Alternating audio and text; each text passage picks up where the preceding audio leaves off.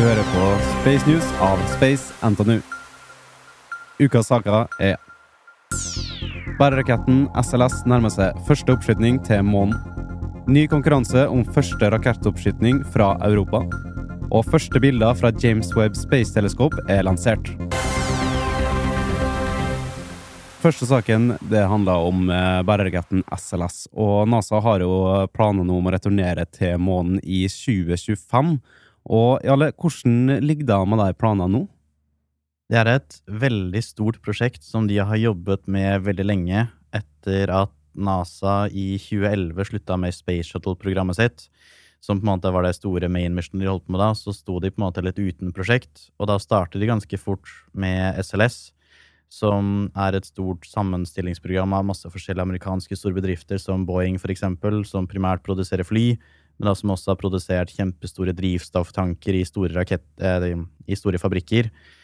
Og um, de bruker nå veldig mange av delene fra Shuttle og fra andre store amerikanske satellittprogrammer for å spare på en måte tid og kostnader og penger, som har blant annet ført til at de går rundt i museer og samler inn rakettmotorene fra faktiske shuttles som står i disse museene, avmonterer de, og har nå satt de på en stor rakett som de har testfyrt mange ganger og nå, så akkurat nå, faktisk, så kjører de den ut til launchpaden under da noe som heter rollout. Mm. Ja, for det rollout i utgangspunktet, det er sånn utrulling på norsk, hvis man skulle sagt det. det. Hva er det det utgangspunktet er, hvis du skulle fortalt det? Da bruker de et utrolig dyrt og kjempestort fartøy som har um, det går på noen helt vanvittig store belter, og på en måte er nesten som et stort kjørende bygg, hvor de kjører ut da raketten fra um, Vehicle Integration Building, som er et sånt kjempestort bygg NASA har, hvor de monterer rakettene sine. Og så kjører de da det ut en drøy kilometer til launchpadet på på en måte denne mobile launchplattformen, på en måte. Mm. Så det blir som et kjempeavansert kjørebygg. Du vil samtidig også snakke med raketten, sånn at du vet at den er i orden. Du har hatt på en måte den type kjøreturer hvor lyn har slått ned i raketten på veien. Ja. Så det er veldig opptatt av at vind og alt dette på en måte holder seg innenfor riktige parametere, og at det er en trygg kjøretur. Og da er nå planen videre at de skal gjøre det de kaller en wet dress rehearsal, hvor de fyller den opp med drivstoff og på en måte Våt her betyr bare på en måte at de bruker faktisk drivstoff. enn dry reservoir vil si at de hadde gjort testen uten drivstoff og på en måte uh, aktive midler, men nå skal de da testkjøre gjennom hele launchcouten og på en måte gjøre seg klare til en launch som er forventa veldig tidlig i juni. Mm. Og da er på en måte siste sjanse for å teste at alle ledninger fungerer, alle rør fungerer, at alt av drivstoff og på en måte bakkesystemet fungerer. Det har man ikke testa før. Du har ikke hatt denne raketten på pad før. Og SLS også er på en måte en helt ny rakett, som samtidig bruker veldig mange kjente rakettmotorer og veldig mye kjent teknologi. Men det er alltid veldig nytt når noe måte som er satt sammen på en ny måte, skal skytes opp. Og denne raketten her skal da til månen på sin første flytur med Orions-kapselen, um, som også er den første kapselen av sitt slag, som er et deep space uh, mission. Hvor de skal mye lenger ut enn det noen, noen gang har dratt, og mm. kjøre mye hardere inn i atmosfæren, som man har gjort tidligere på return. Så veldig mange unknowns, og da tester de og vil forsikre seg om veldig mye da, i forkant. Hvordan sikrer de egentlig dem at de kommer seg ut? Uh, for det, Du sa de foran ca. en kilometer. Uh, hvor sakte får de, og hvordan stabiliserer de liksom, den høye raketten? De kjører kjempesakte. Det er snakk om centimeter per eh, minutt-type. Å oh ja, så sakte, liksom? Ja, ok. det blir som en kjørende bygning. Den har muligheten til å kjøre litt brukbart fort, men den frakter jo på en måte bare raketten også, som er et par eh, tusen tonn, i tillegg til hele systemet i sin helhet eh, og seg selv. Den har jo da veldig mange både belter og hjul som sørger for at den skal kunne være ganske vannrett. da. Men det er jo selvfølgelig, hvis det kommer mye vind, så må de snu i tide. Eh, så til neste sak. Eh, det er jo eh, mye konkurranse for tida blant mindre launch-providere. Og hvordan ser det ut nå i Europa for akkurat det? Ja, det begynner å bli et stort problem at det blir mange om beina. Tidligere så har det bare vært typ statene som har hatt egne romprogrammer med veldig finansiert eh, private aktører, som f.eks. Lockheed Martin og Boeing, som har måte store amerikanske bedrifter, har blitt hardt finansiert av NASA. Russland har i stor grad også belaget seg på Rokosmos og på en måte også en, på en måte både ren governmental produksjon, men også delvis da hardt privatfinansiert.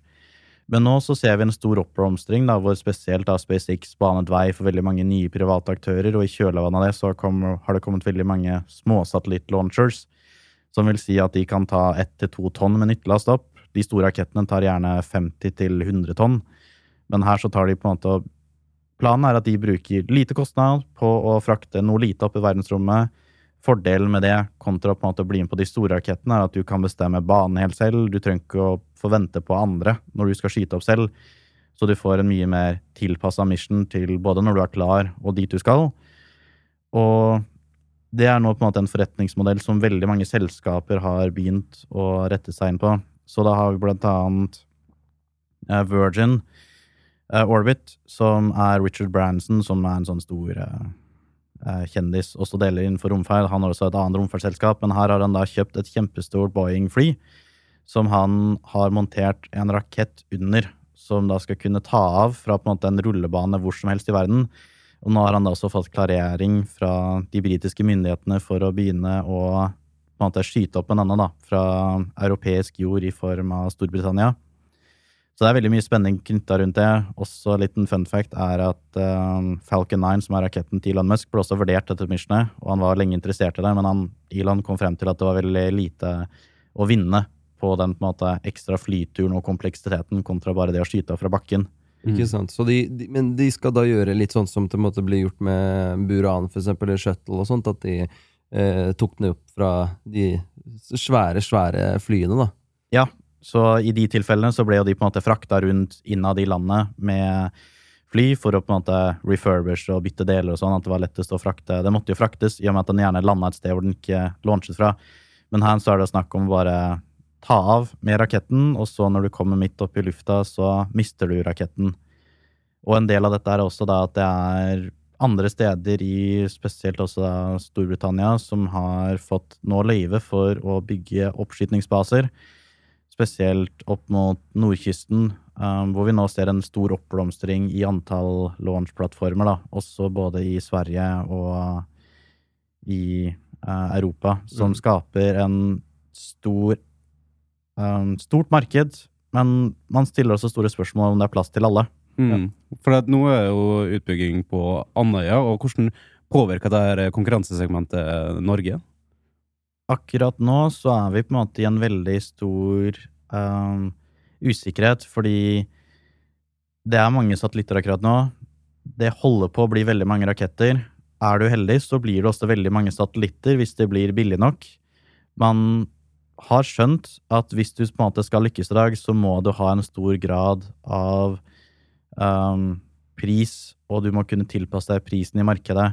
Så spesielt også ISAR på Landøya. Andøya har jo tenkt å bruke på en måte, å lande boosterne sine og gjenbruke og spare veldig mye kostnad på det. Man sparer også en, til en viss grad noe kostnad da, på å kunne launche de på fly. Så man ser det at hvis du klarer å kutte kostnadene dine, så kan du stille veldig sterkt, og det ser det ut til at Andøya har tenkt å gjøre. Og det også gagner bare forbrukerne, det at måte, du har såpass mange aktører som er med på å drive prisen ned. Som skaper flere satellitter, som skaper mer mulighetsmarked da, for alle selskapene involvert. Tror du at det, blir noen flere norske selskaper som kommer til å gjøre eh, disse tingene, da? eller så begynner å lage raketter på sikt? Jeg personlig har et kjempestort håp om det. Det har begynt å bli litt snakk om det i gangene på NTNU.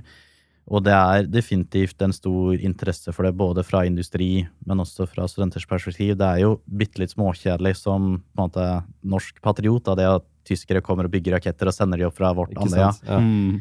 Så vi vil jo gjerne at det skal være noen helnorske aktør i dette her også på sikt. Mm, så vi har jo mye å se fram til. Så til siste sak. Eh, James Webb Space Teleskop eh, ble skutt opp eh, 25. desember. Eh, og hvordan har det gått med det missionet etter oppskytinga? Den Ariane-raketten som skjøt opp James Webb, den gjorde det ekstremt nøyaktig og gjorde det mye bedre enn forventa. Så de måtte bruke utrolig mye mindre drivstoff enn det de hadde forventa, som gjør at de ser for seg å kunne extende missionet med hele ti år. Såpass, ja. Så missionet var i utgangspunktet satt opp til å bare vare i ti år. Nå har de fått ti år ekstra. Og det i seg selv utgjør nok en eh, kjempeforskjell, fordi den går på en måte i en ganske avansert bane på et punkt som på en måte alltid er det samme sett ifra jorden. Og da må de bruke en del drivstoff på hele tiden, holde seg på det punktet og på en måte også da kanskje gjøre manøvre for å hoppe unna asteroider og ting som kommer i veien. Og det er det som i hovedsak da begrenser mission-levetiden. Man ser komponentene kan antageligvis leve eller lenge, vi har sett det på Hubble. Men det å på en måte, hvor lenge du holder deg i bane, er det som ofte begrenser levetiden på veldig mange av disse store missionsene. Ikke sant. Men du sa at eh, det var på en måte mye mer nøyaktig enn det man først antok. Er det sånn at Ariane-rakettene vanligvis er unøyaktige, liksom? Er det det som Eller hvordan? Det kan være alt fra bare på en måte vind i atmosfæren på vei opp, til at du kanskje har litt unøyaktige data. Og du er ofte veldig konservativ i disse marginene dine også. Du sier at måte, hvis det aller aller verste skjer, så vet vi at da har vi i hvert fall ti år. Det er Mm. det vi har å regne med, det er det du går ut ifra, og så blir du heller positivt overrasket hvis du får mer. Mm. Og det er jo da det som til stor grad har skjedd der, det at de både gjorde det betydelig bedre enn worst case, men også de traff veldig bra på en måte best case scenarioet sitt. da. Og det man trengte, liksom. Ja. Mm. er det du gjerne vil se i raketter, og det er veldig få som kan levere så nøyaktige missions. De gjorde da på en måte direct injection. De skal da til en bane som ligger langt, ganske langt ut, da, og de kunne ikke gå på en måte putte den i en bane rundt jorda, og så vente til de var på det punktet og skyte den i riktig retning, fordi da hadde du eksponert de sensitive delene av satellitten for mye sollys. Så de måtte launche i skyggen av sola, og så på en måte fortsette på stø kurs hvor det hele tiden har sola i ryggen. Ja, ok. Som gjorde ekstra kompleksitet til mission, og det at du på en måte Det blir som om du skal til månen, da, så kan du på en måte enten tilbringe litt tid rundt jorda først, og så launche retning månen, eller du kan, og det er det som er vanlig, eller du kan sette stø kurs rett fra oppskytningssiten din til månen, og det tilfører mer kompleksitet, men det gjør altså at ting går mye raskere. Mm. Men nå er jo den er utprata og operativ, eh, og vi har fått eh, første bilde. Hva er det vi har valgt å bruke eh, første, fokusere første på? Det var en stor stjerne som vi på en måte visste veldig mye om, som de brukte for å fokusere alle disse speilene, som de da kan fokusere på hele mikrometernøyaktighet. Og bare det å kunne både ha centimeternøyaktighet og så helt ned til mikrometer, var en helt fra et ingeniørfaglig perspektiv en vanvittig utfordring som de nå har mestra, fordi nå er speilene i utgangspunktet helt perfect alina. De publiserte et bilde i dag hvor de hadde en stor stjerne i fokus som de brukte for å fokusere stjernene. Og på det bildet så ser du veldig mange galakser i bakgrunnen som har veldig høy nøyaktighet og oppløsning. Og det at du på et sånt enkelt kalibreringsbilde allerede begynner å se helt vanvittige resultater, er kjempegøy å følge med på. Ja, det kan jeg se for meg. Men eh, hvor, så selve bildet, er det et vanlig bilde som folk liksom kan se på, eller er det røntgen, eller hva er det de bruker på en måte til å faktisk eh, eh, til å ta opp? De bruker infrarødt lys, som veldig mange av disse missionene gjør, og så legger de på fargefilter i ettertid. Og den gangen her så brukte de rødt for å illustrere spesifikke um, kontraster, men du kunne brukt hva som helst. Også alle Hubble-bildene er i utgangspunktet svart-hvitt, og så legger de på fargefilter enten for å vise hvordan det ville sett ut gjennom øynene våre, eller du bruker andre filtre for å på en måte vise forskjellen på ting, eller på en måte fremheve enkelte elementer. Så farger må man se litt på som tilfeldig i denne type kontekst. Blir, nei, sola blir ofte også fremstilt i masse forskjellige fargelys. Det er ganske interessant at vi har såpass eh, avanserte systemer. Og dette teleskopet er nok det mest avanserte vi noen gang har bygd på veldig mange måter, og det at det nå viser seg å fungere til den kostnaden det hadde, som var 10 milliarder dollar, som er ganske ekstremt for et sånt space mission, og det å allerede nå se resultatene og vite at alt dette strevet og utviklingen siden 1986 var verdt det, er veldig, veldig spennende og veldig gøy. Jeg tror vi gleder oss veldig til å kunne se mer og mer av de bildene som kommer. Du hørte på Space News med Erlend Sandblåst, Alexi Gusev og Jarle Steinberg. Kom tilbake neste uke for nye Space-oppdateringer.